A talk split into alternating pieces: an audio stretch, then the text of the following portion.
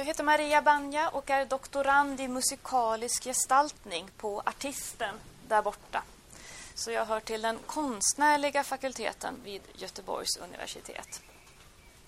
Jag är flöjtist från början så jag spelar på de flesta olika flöjtmodeller som användes innan Theobald Böhm mer eller mindre uppfann den moderna flöjten. gjorde han 1847 den slog inte igenom dock i Tyskland och England förrän framåt sekelskiftet 1800-1900. I Frankrike slog den igenom lite tidigare. Oftast så spelar jag på flöjter som liknar den här, eller just den här.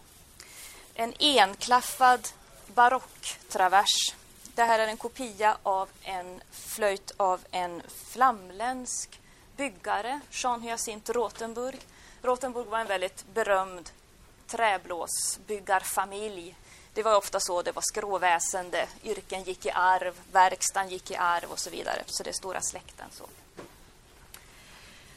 Som doktorand så jobbar jag då med musikalisk uppförande praxis. Musik är ju en konstform som oftast uppförs för att man ska njuta av den. Den västerländska konstmusiken är ju som en stor skatt. Men man ska helst glutta på locket och framföra den för att man ska få riktigt glädje av den. Och då kommer ju den här frågeställningen om uppförandepraxis. Egentligen så har man ju den bara när har man en liten grupp av människor, en kulturellt liten samlad grupp där tonsättaren, de som spelar musiken och de som ingår är i samma lilla klick, då har man inte den här frågeställningen hur man spelar musiken. Då förstår ju alla varann. Man behöver inte skriva ner i detalj allting i noterna heller, för man, man vet hur man gör. Utan det problemet uppkommer med distans. Distans i tid eller i rum eller både och. Så man skulle kunna säga att uppförandepraxis och forskning i uppförandepraxis är ett sätt att minska den typen av distans, överbrygga sådana distanser. Och om jag skulle vilja spela folkmusik från Sydafrika till exempel så skulle jag antagligen sätta mig på flygplan och åka dit och träffa någon där. Om jag vill spela musik från Tyskland från 1700-talet så hjälper det ju inte bara med ett flygplan. Utan jag får göra andra saker, jag får ta till andra metoder och annat material.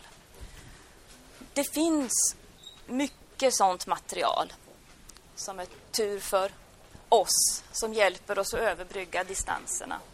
Först finns det ju all den här musiken förstås. All musik som skrevs ner och som har bevarats då på papper till idag.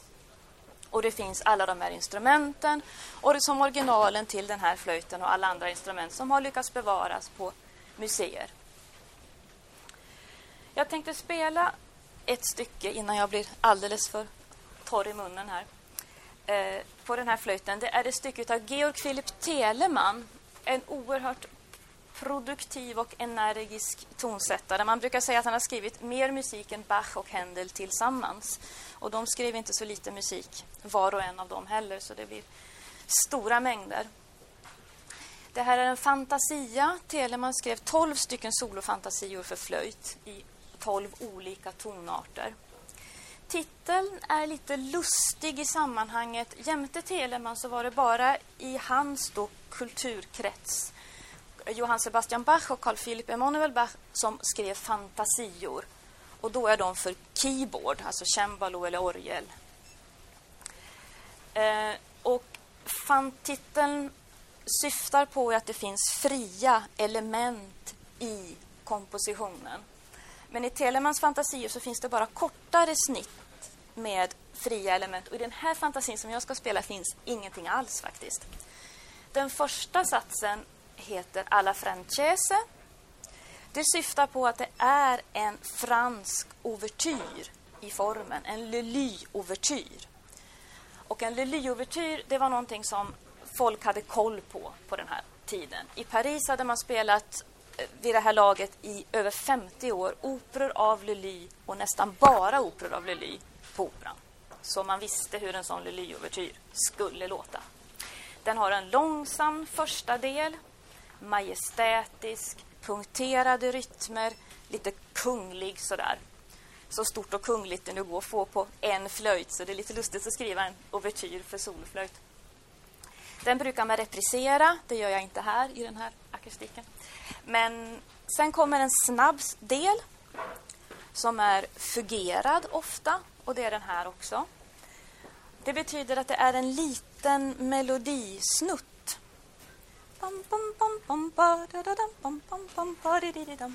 Som upprepas och kommer igen i olika stämmor. Nu har jag bara en stämma. Så Telemann har använt en mängd olika tekniker, kompositoriska tekniker, för att få det att låta som flera stämmor. Jag är tvungen att hoppa mellan olika stämmor hela tiden för att skapa en illusion av flerstämmighet. Efter den snabba delen kommer, som sig bör i en Lilly-övertyr en långsam del igen som liknar den första, den är bara lite kortare. Sen kommer en sats till. Telemann avslutar alla sina fantasior med en folklig, kort, liten sats, dans, sats ofta och ofta i rondoform. Och rondoform betyder att det är först åtta takter refräng. Sen kommer åtta takter vers eller couplet, om man, som man säger på fransk rondoform. Sen kommer refrängen igen, samma åtta takter. Och så en ny vers, åtta takter. Och så refrängen till slut. Mm.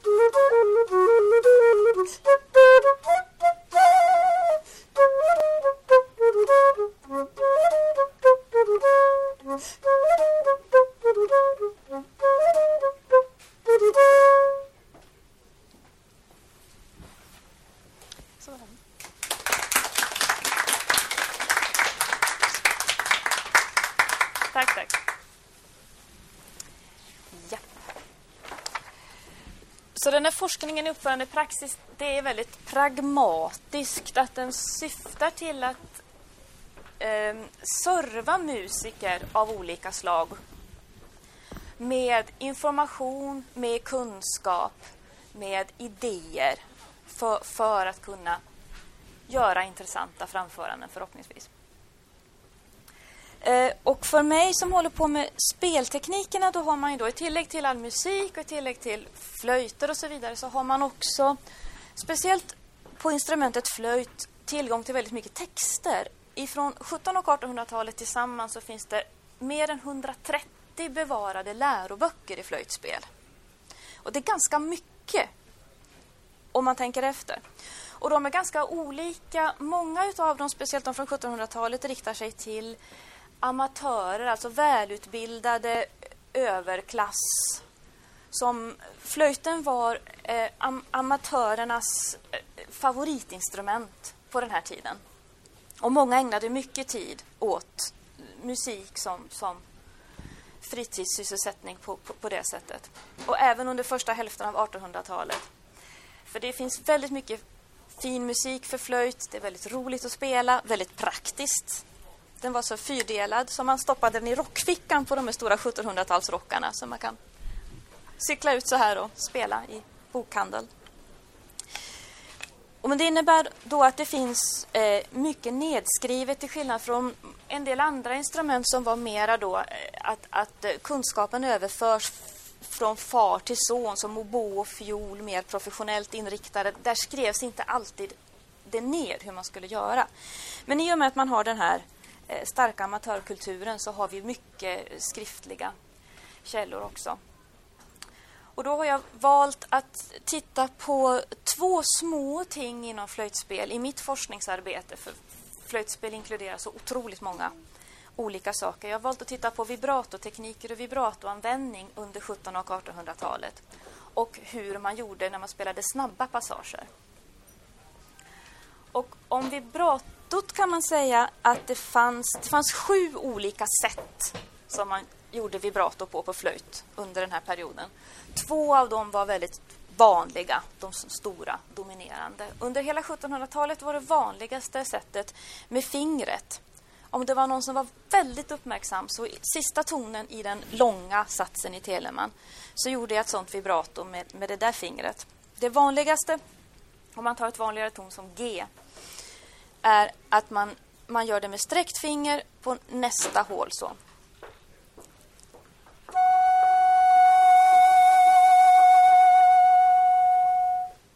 Och det går att göra snabbt och det går att göra långsamt och det går att göra ändra hastigheten väldigt mycket och man kan göra det så att det blir stor amplitud och liten och så.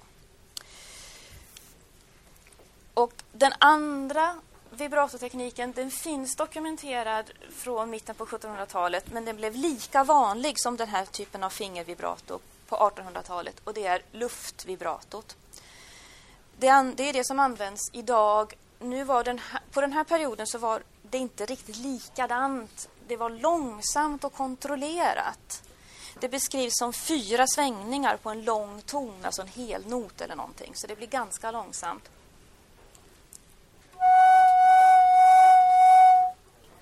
Mera åt det hållet. Sen fanns det andra tekniker, till exempel om man vill använda den här fingervibratotekniken. Då får man problem när man kommer och har täckt alla hål. Då finns inget hål kvar att göra. Och då får man skaka på flöjten.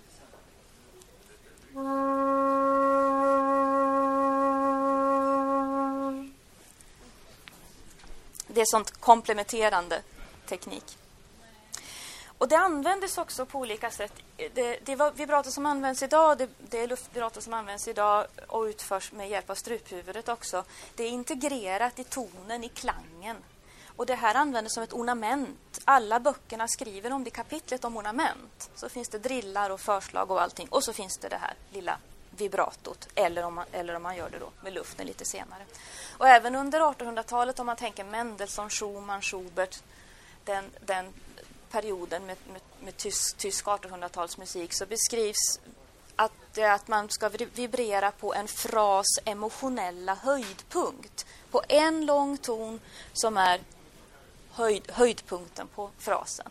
Det är alltså inte något kontinuerligt vibrato. Sen artikulationsteknikerna är också intressanta för att eftersom de levde ofta i de här slutna små miljöerna när man inte behövde notera allting, när det inte fanns så mycket distans så skrevs inte det alltid ner artikulationen, speciellt inte för när det var många, många toner. Så flöjtskolorna ägnar en stor eh, textbit åt att lä lära sig hur man applicerar artikulation så det då stämmer med satsens karaktär, det ska stämma med tonsättarens intentioner för satsen, det ska stämma med stycket. Så. Och sen finns det också den praktiska aspekten att om man ska spela en passage snyggt från A till B och inte spela allting legato för det ansågs inte i alla kretsar vara bra att, att bara spela legato. Utan om man ska artikulera någonting då får man ett tekniskt problem om det går snabbt. Och då finns det en mängd olika stavelser man använder på flöjt. Och vad det gäller snabba passager så pratar man om dubbeltunga när man använder två olika stavelser som man alternerar mellan för att det ska gå snabbare. Det är för att tungan inte ska göra en rörelse så hela tiden utan man alternerar mellan två. Då får man dubbla tempot. Och vissa stavelser fungerar ju bättre för sånt än annat.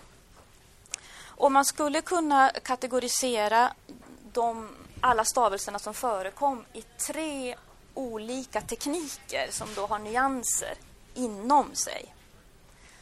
Det som används mest idag det är en teknik med stavelserna t, k eller den mjuka varianten dg. Så det blir tk, tk, tk eller dg, dg, dg eller olika nyanser däremellan. Det kan man kalla en teknik. Det lär man sig genom att öva mycket under en tid. Det som användes mest under 1700-talet det var olika kombinationer av d, l. Så diddle, diddle, diddle, diddle, eller den skarpa varianten Så det är en teknik man måste öva för sig själv, så att säga. Sen fanns det flöjtister både 1700 och 1800-talet som använde olika kombinationer av td eller dr. Det blir den tredje kategorin av, av stavelser som funkar att göra så här dubbeltunga med. Så det är lite kul, så det håller jag på med om dagarna, försöker reda upp i. Så det här med forskning och uppförande praxis generellt sett så är ju inte det någonting nytt.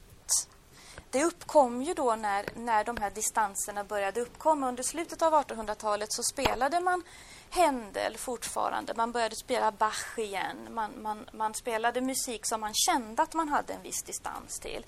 Så när jag då läser mina flöjtböcker från slutet av 1800-talet så har ju de då kapitel med anvisningar av hur man ska spela gammal musik. Och då menar man Händel och sånt. Och redan också under slutet av 1800-talet så använde man gamla instrument när man ville spela gammal musik ibland. Då gjorde man ofta så att man tog farfars gamla flöjt när man skulle spela musik som kanske var 200 år. Men i alla fall, man började någonstans. Och sen har det här gått vidare då under, under 1900-talet. Så det är lite spännande fråga också nu var, man, var forskningen i uppförande praxis står nu. För man kan lite säga att jo men vet vi inte nu då, du har ju en sån här snygg kopia och du vet exakt hur de organiserade sina uh, tungrörelser och, och sådär. Och det är väl lite grann så att vi har tagit tag i de här sakerna som är hanterbara att ta tag i. Så har jag gjort till exempel av pragmatiska skäl. Och det som återstår är kanske de mer spännande sakerna av hur, hur såg man på musiken? Hur använde man musiken? Hur klingade det? Vad är, hur förhöll man sig till musiken? Vad, vad kan vi lära oss och ta med oss idag i idéer och inspiration från, från det?